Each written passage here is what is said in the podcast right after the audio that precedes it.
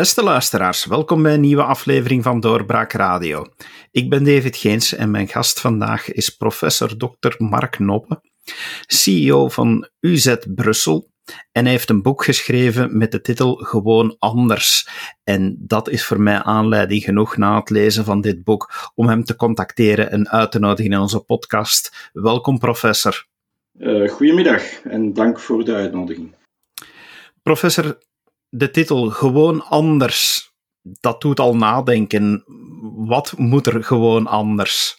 Ja, gewoon anders, dat is in feite uh, de baseline geworden van het ziekenhuis.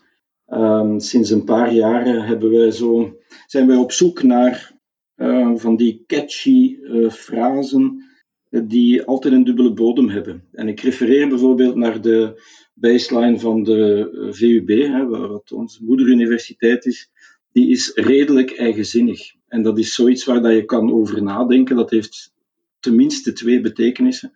En eigenlijk gewoon anders is ook zoiets. Uh, waarbij wij, toen wij nadachten over onze mission statement, over onze visie, onze waarden enzovoort, dachten we ook aan hoe kunnen wij nu uitdrukken wat we eigenlijk willen bereiken met z'n allen.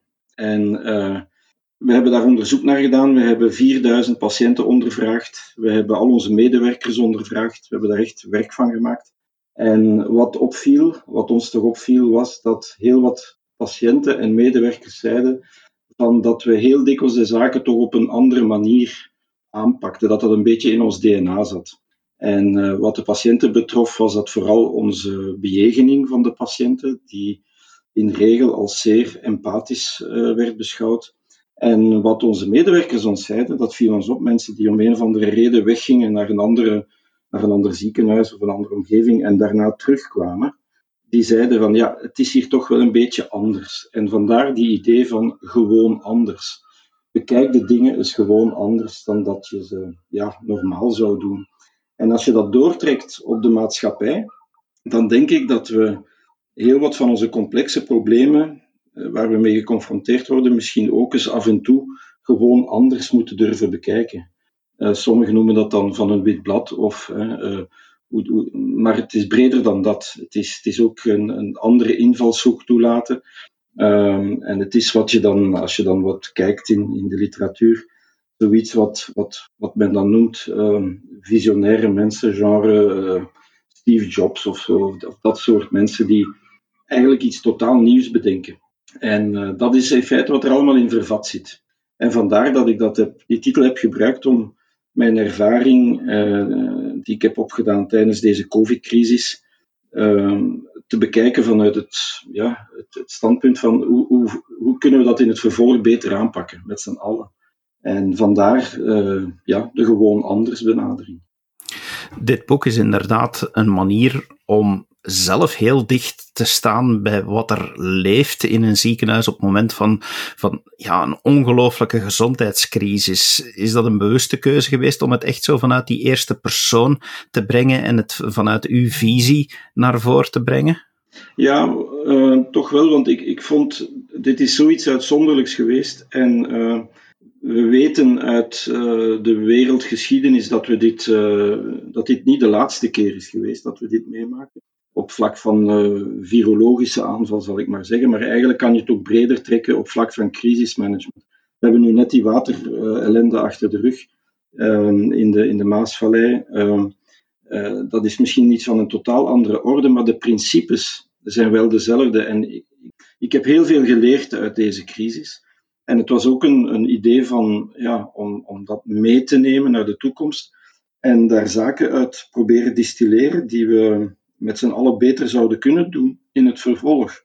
En vandaar de persoonlijke, de persoonlijke ja, aanpak, of de eerste persoon eigenlijk, die, die spreekt uh, als een soort bevoorrechte getuige hè, van, van wat er gebeurd is. Het is inderdaad vanuit een, een visie vertrokken, een zicht op die COVID-crisis, maar misschien wil ik er, uh, geef ik er wat een andere insteek aan aan het gesprek dan, dan wat u verwacht had. Maar toen ik het boek uit had, had ik zoiets van: hé, ik heb net een heel goed managementboek gelezen. Verwondert u dat als ik dat zeg? Uh, nee, dat doet mij plezier, want het is absoluut niet de bedoeling geweest om het zoveelste uh, huistuin- en keukenboek over um, management for dummies of zoiets te schrijven. Maar de facto is het dat wel geworden, want uh, het, het managen, als je het zo bekijkt, van zo'n crisis, ja, dat is iets dat je, ja, hoe moet ik dat zeggen? Je leert dat nergens. Hè? Er, is geen, er is geen handboek voor, uh, hoe zou ik zeggen, het, het, het, het echt realiseren, hè? Het, het, het concretiseren eigenlijk is een beter woord, van de principes van het managementbeheer die wel gekend zijn. Dus die, die rampengeneeskunde en rampenbestrijding, daar bestaat heel veel wetenschap over, heel veel literatuur. Um, daar wordt zelfs les over gegeven, ook aan onze universiteit. Um, en dat is toch wel iets dat ik wel gemist heb in het, in het managen van deze crisis door de, de overheden van het land. Uh, en dat is helemaal geen verwijt, want ik ken geen land waar deze crisis op een perfecte wijze is aangepakt. Uh, iedereen uh, stond hier voor een heel nieuw gegeven. Maar wat mij toch wel opviel, is dat sommige landen de principes tenminste van crisismanagement toch wel beter hebben proberen realiseren en daar soms, maar ook niet altijd in geslaagd zijn.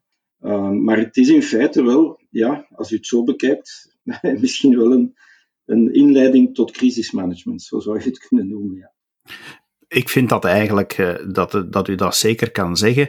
Want vooral ook die stukken waarin u aangeeft hoe u hebt moeten schakelen en, en de procedures hebt moeten aanpassen, die zijn me heel sterk bijgebleven. Ik zou, ik zou daar dan bijna durven drie woorden op plakken.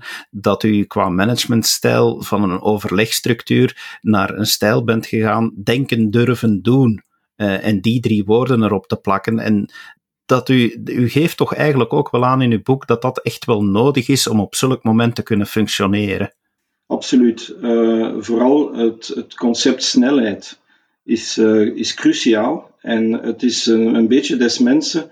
En zeker, um, zou ik zeggen, in vredestijd ook heel gebruikelijk en misschien zelfs te verkiezen dat we zoveel mogelijk uh, brede consensus bereiken, overlegrondes houden. Uh, de Nederlanders noemen dat dan polderen. Hè. Uh, maar dat is ook onze gebruikelijke manier van werken in het aansturen van een complexe organisatie zoals een ziekenhuis. We hebben heel veel overlegmomenten en overlegrondes en adviesraden en iteraties. Hè, zo, om uiteindelijk tot een best mogelijke oplossing van een dikwijls toch complex, altijd complex probleem te komen. Maar in crisismanagement is dat net de grote fout. Het is zelfs niet uh, wenselijk, het is zelfs fout hè, om zo te blijven werken, uh, omdat het is aangetoond, het is proefondervindelijk aangetoond, en daar is academisch werk over gericht, dat dat net de fout is. Uh, hoewel heel, en heel veel politici vooral, die opgegroeid zijn en, en, en ja, uh, doorspekt zijn met dit, deze manier van werken, is het heel moeilijk om heel snel van modus te veranderen om dat overleg nu eens uh, achterwege te laten en gewoon te handelen. Wij hebben tijdens de crisis, ik, zeg daarmee niet dat wij niet overlegd hebben tijdens de crisis, maar we zijn veel sneller tot uh, beslissingen gekomen. En, en dat heeft ons gered. En ik denk dat alle ziekenhuizen dat gedaan hebben, uh, omdat je de tijd gewoon niet hebt om te blijven overleggen tot er een ideale, tussen aanhalingstekens, oplossing is gevonden, dan is het al te laat. Want in die periode dat je zo lang hebt gewacht om te handelen, hebben zich weer meer en meer calamiteiten voorgedaan. En in, in het geval van een COVID-epidemie zoals wij ze gekend hebben, is een heel, duidelijke, een heel duidelijk cijfer daarop is het aantal overlijdens. Dat is wel de hoogste prijs die je kan betalen. En dat vind ik zo jammer dat het zo weinig is doorgedrongen toch bij sommigen dat, dat snelheid primordiaal is. Speed trumps perfection. Perfection is the enemy of the good. Uh, je moet gewoon heel snel handelen. En waar u naar ver, verwijst, is, is inderdaad het snel switchen van modus. Van een overlegcultuur en een overlegsysteem, waarbij wij ook heel veel overlegrondes hebben in een ziekenhuis, net zoals in de politiek, is het inderdaad naar een, een veel kortere beslissingslijn gegaan, die ook veel sneller um, snellere actie toelaat. Het doen waar u dan naar verwijst uh, is ook zeer goed gekozen. Het is eigenlijk een heel mooie samenvatting, die die woorden, denken, durven doen. en maar er, mag nog bij snel. Hè. Snel denken, snel, snel durven en snel doen. En een belangrijke connotatie daar is ook dat als je, als je zo handelt, ga je ook ongelooflijk veel fouten maken. Je gaat foute keuzes gemaakt hebben, achteraf dan bekeken. En dat is op zich niet erg als je ze maar herkent en erkent en, en ze geen tweede keer gaat, gaat maken. Zo ga je vooruit. Dat is dat voortschrijdend inzicht dat je opdoet tijdens zo'n crisis.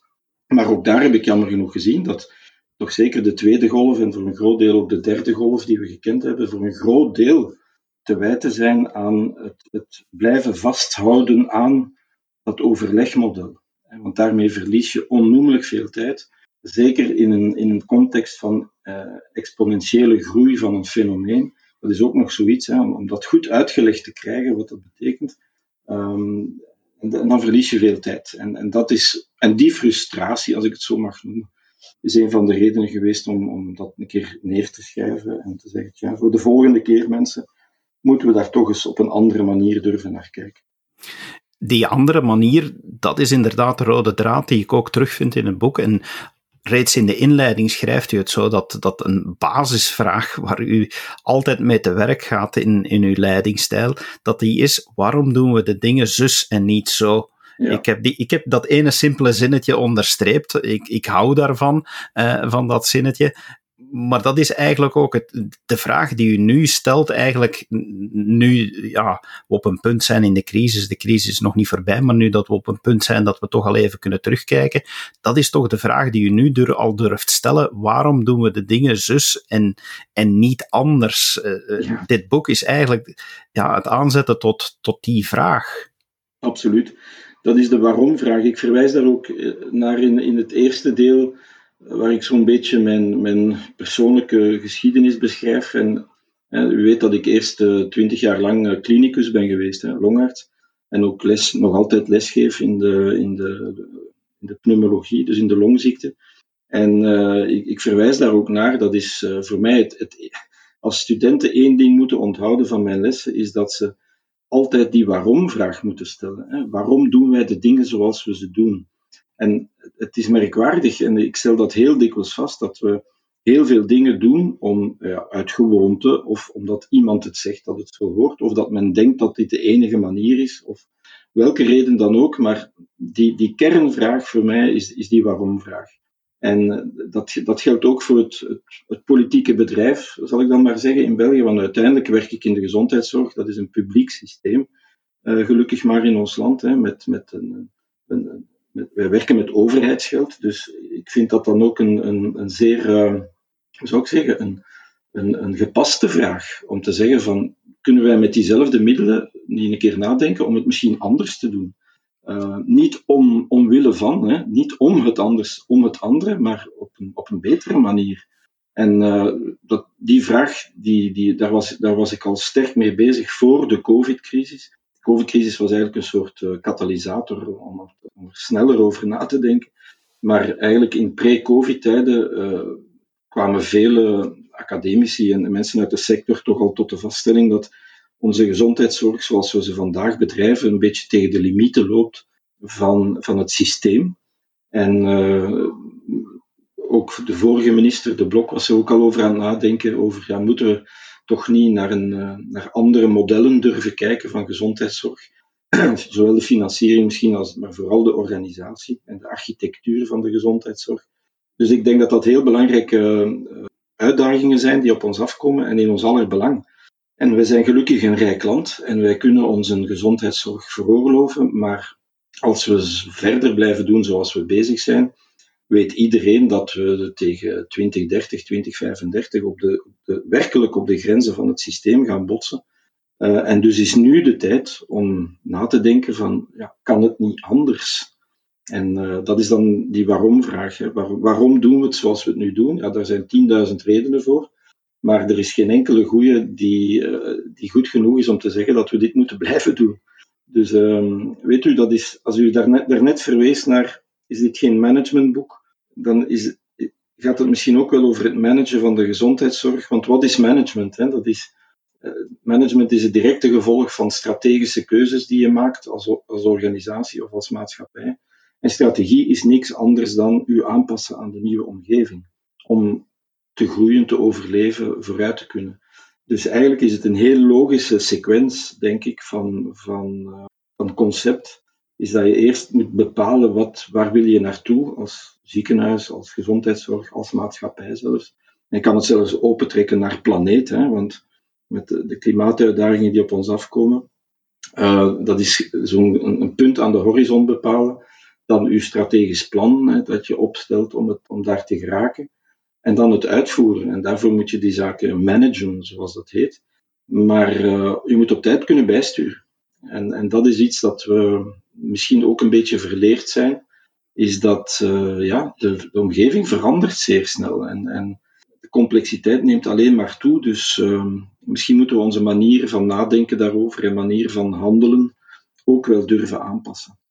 Dat is inderdaad ook iets wat de lezers mogen verwachten wanneer ze aan uw boek beginnen. Dat is dat het niet alleen gaat over hoe omgaan met een crisis in een ziekenhuis, maar het gaat ook snel over naar een appel aan de overheid om, om de dingen anders te gaan aanpakken. Daar zijn we weer met dat woord. Maar om, eh, om eens te kijken, waar, willen we naartoe gaan, zoals u net ook zei. En u geeft daar zelfs bij aan dat eigenlijk het kerntakendebat degelijk opnieuw zou moeten gevoerd worden. Ja, inderdaad.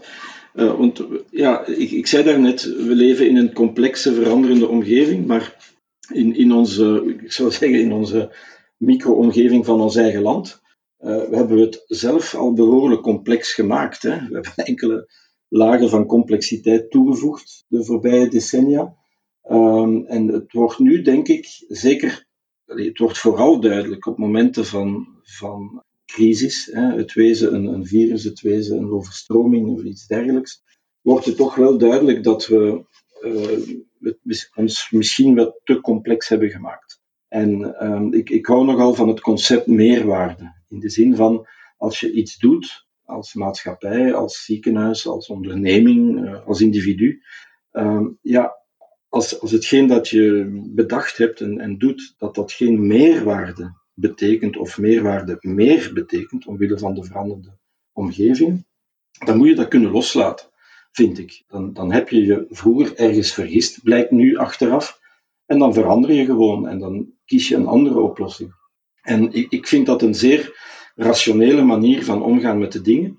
Maar die botst natuurlijk heel dikwijls op ja, de architecten van dat systeem. Hè. Die, it, you have to kill your, your darling. Hè. Het, je baby schijnt toch niet zo mooi te zijn als je had gedacht. Ja, dan moet je een nieuwe baby maken, bij manier van spreken. Enfin, ik spreek nu zeer figuurlijk natuurlijk. Uh, maar dat is natuurlijk de, de, de rem waar we op botsen, is de ongelooflijke, um, zou ik zeggen, traagheid. Hè? De ingebouwde traagheid om om deze toch structurele veranderingen dan ook durven toe te laten. En, uh, maar ik zou wel heel blij zijn eigenlijk indien we dit debat zouden kunnen voeren met z'n allen. Uh, want we, ik stel vast dat het, misschien is dat door de opkomst van de sociale media, ik weet het niet, dat, dat die polarisatie toch, toch heel erg aanwezig is. Maar in alle richtingen. Dat gaat al lang niet meer over links-rechts of boven-onder of wit-zwart. Dat is een beetje in functie van het probleem krijg je heel snel polarisaties, wij, zij. En dat bemoeilijkt het debat, vind ik. Dus eh, we leven toch in een parlementaire democratie. Um, ik vind dan het, het, parlement een ideale plaats om eens tijd te nemen om grondig na te denken over die, ja, de veranderende omgeving en de mogelijke antwoorden daarop. En, en nogmaals in een open en vrije sfeer en, en niet volgens een, ja, hoe moet ik dat zeggen, vooraf afgesproken partijideologie of zoiets. Um, want dan, dan bot, als je daarmee dan gaat beginnen, dan weet je al dat het niet vooruit gaat. Hè. Dat, is, dat is zoals Einstein zei, of men denkt dat hij dat gezegd heeft, van insanity is doing the same thing all over again and expecting a different result. Dan, ga je weer eindigen waar, dat je vertrokken bent. En dat mis ik een beetje. dus uh, de, de, de cirkel, de, de, de plaats, de plek waar we vrij en ongedwongen bijna uh, onze, onze mening kunnen geven en in een debat gaan. En met z'n allen uh, kiezen wat de richting is waar we zouden moeten uitgaan. Dat is een beetje een utopisch beeld misschien, maar ik denk dat met de huidige werking van onze instellingen, um, die we zelf gecreëerd hebben natuurlijk, een heel moeilijk, dat dat een heel moeilijk debat wordt. En, en dat vind ik wat jammer. U bent zeker niet de enige die naar aanleiding van deze crisis heeft vastgesteld dat de gezondheidszorg in zijn gehele vorm in ons land, dat die toe is om opnieuw bekeken te worden, zeker met de uitdagingen die op ons afkomen, zoals u ook al zei. Maar u hebt ook geen schrik gehad om in uw boek zelf ideeën te lanceren en uw keuzes kenbaar te maken, want u, u geeft duidelijk aan dat het volgens u het uh, opnieuw in één hand brengen, het op één niveau brengen, dus het federaliseren of het herfederaliseren van de gezondheidszorg, dat dat de, de juiste beslissing zou zijn volgens u. Nee, uh, dat, dat, dat, staat, er nergens in. Uh, wat er wel in staat, is dat als we het nu hebben over, over, twee, zaken, over twee zaken. één, het crisismanagement, en dat zeg ik niet alleen, dat zegt elke academische opleiding in, in rampengeneeskunde moet in één hand zitten. Uh, in een centraal commando. Eenheid van commando, eenheid van uitvoering en eenheid van communicatie. Uh, ik heb dat niet uitgevonden.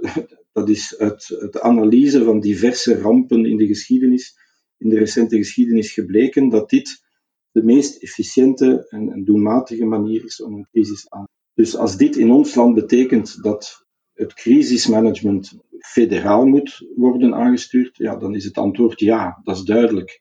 En pas op, dat moet je niet gaan beslissen op het moment van de crisis. Dat, heb ik, dat zeg ik ook. Je moet daar op voorhand in vredestijd, bij manier van spreken, of in rustiger tijden, met z'n allen afspreken wanneer je zoiets zou doen.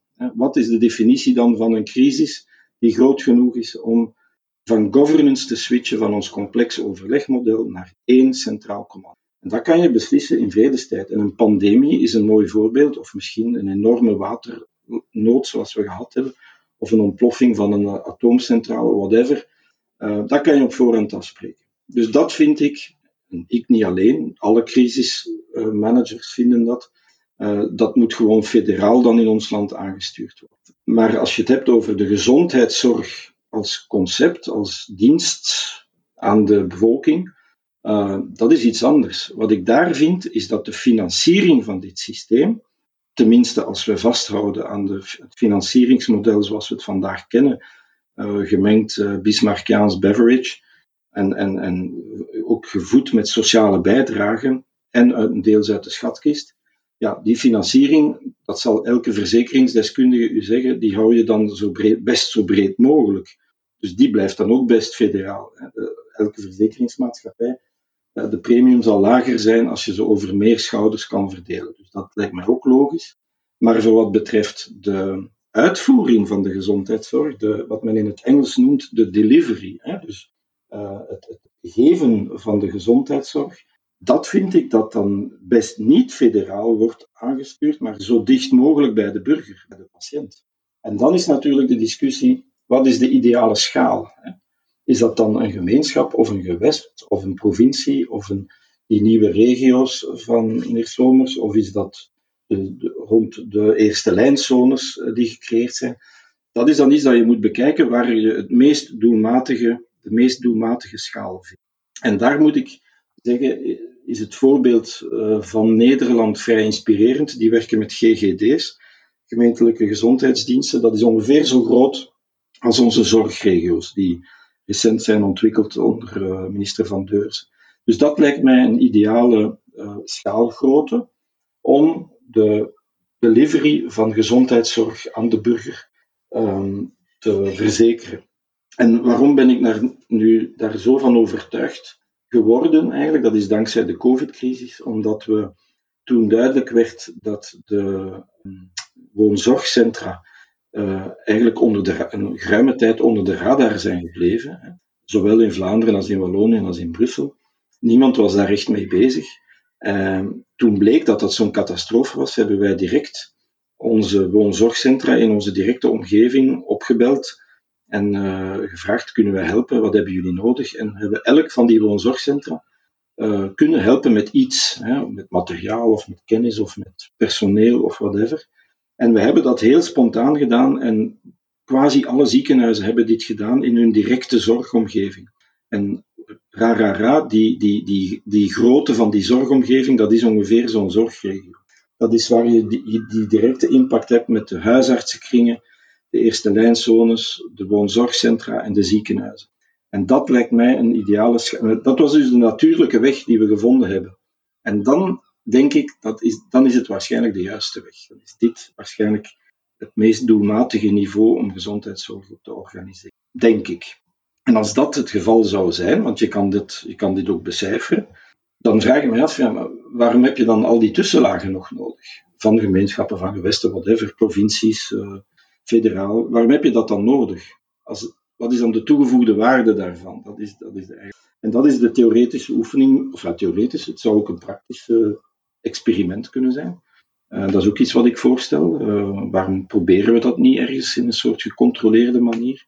Lijkt het mij niet dom om dat eens te proberen en te kijken of dit werkt. En, dus ik, ik, ik huiver om te starten met te zeggen van ik vind dat het moet gefederaliseerd of gedefederaliseerd worden, want dan, dan, in ons land kom je dan bijna onmiddellijk in een soort ideologische standpuntenoorlog terecht, die eigenlijk dan niet meer toelaat dat je naar de grond van de zaak kijkt, vrees ik. Dus ik zou dat helemaal, en dat heb ik ook ergens gezegd, ik durf het bijna niet te herhalen, maar ik zou dit eerder buiten de politiek houden. En door een aantal, er zijn genoeg knappe koppen in de administraties, uh, in de FOT en RISIF en uit de, uit de, sector zelf, die, die dat kunnen bedenken. Uh, en dan daarmee gaan naar, ja, hoe vertaal je dat nu politiek? Hè? Want daar komt het uiteindelijk dan toch op neer. Eerder dan omgekeerd. Dat is een beetje de boodschap. Maar uh, ja, het, het, is dus heel genuanceerd in feite, mijn antwoord. Uh, zoals ook de realiteit complex en genuanceerd is. Hebt u inmiddels al reactie gekregen vanuit administratie, vanuit politiek, op, uh, op uw boek, op de dingen die u aanreikt naar debat? Zijn er mensen die reageren van, ja, hier moeten we over praten en misschien moet u, eh, professor, daar maar wel eens komen bijzitten met uw ideeën? Goh, ik heb, uh, als u vraagt is of ik al ergens een officiële uitnodiging heb gehad om in een of ander gremium uh, dit te gaan toelichten, nee, nog niet. Informeel wel, al wel wat reacties natuurlijk. En, maar vooral, en dat doet me heel veel plezier, heel veel reacties van uh, de lezer, hè, dus aanhalingstekens, uh, de, de, ja, de geïnteresseerde burger zou ik dan, dan noemen. Uh, daar krijg ik verrassend veel zeer positieve mails en, en berichtjes van, wauw, waarom doen we het zo niet? Zoals u het beschrijft. En dat doet mij wel heel veel plezier. Maar vanuit de officiële politiek, als ik het zo mag zeggen, politieke kringen heb ik nog geen uh, uitnodiging gehad. Nee, dat nog niet. Maar we kunnen dan wel besluiten dat het inderdaad een boek is dat de moeite waard is om te lezen. Ik durf het zeker aanbevelen, gewoon anders met een punt, want ik vind het opvallend dat er een punt in de titel staat, maar ook uh, de, de ondertitel Een vurig pleidooi voor ongewone gang van zaken is zeker terecht gekozen. Professor, dank u wel dat u hebt de tijd genomen om uw ideeën even toe te lichten in onze podcast. Heel veel dank voor de uitnodiging. En nog een reden om het boek te kopen is natuurlijk dat daarmee onze eh, foundation wordt uh. En dat is een, een kas die wij hebben, een, een, fonds dat we hebben opgericht ter ondersteuning onder andere van uh, ons personeel, dat toch heel wat heeft moeten incasseren tijdens deze crisis en uh, alle mogelijke steun kan genieten. Uh, maar ook voor onze patiënten een healing environment maken en innovatief onderzoek. Dus daar gaat de opbrengst van dit boek naartoe. dus nog een reden om het te kopen. Inderdaad, nog een reden meer. Ik zal zeker bij de podcast de link naar het boek zetten, zodat iedereen die ook maar zin heeft gekregen na het beluisteren van dit gesprek, dat hij meteen het boek kan aanschaffen en kan lezen. Dank u wel, professor, en u, beste luisteraar, dank u wel en graag tot de volgende keer. Dag. Dit was een episode van Doorbraak Radio, de podcast van doorbraak.be.